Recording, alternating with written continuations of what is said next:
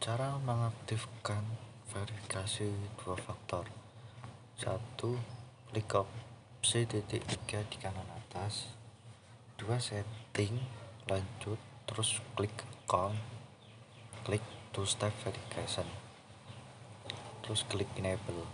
Lanjut masukkan 6 kode rahasia yang anda pilih.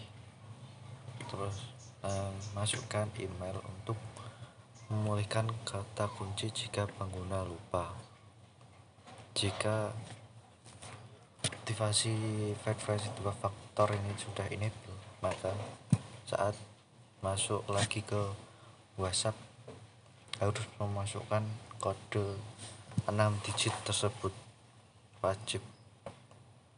Sehingga orang orang lain tidak bisa mengetahui mengetahuinya. Kalau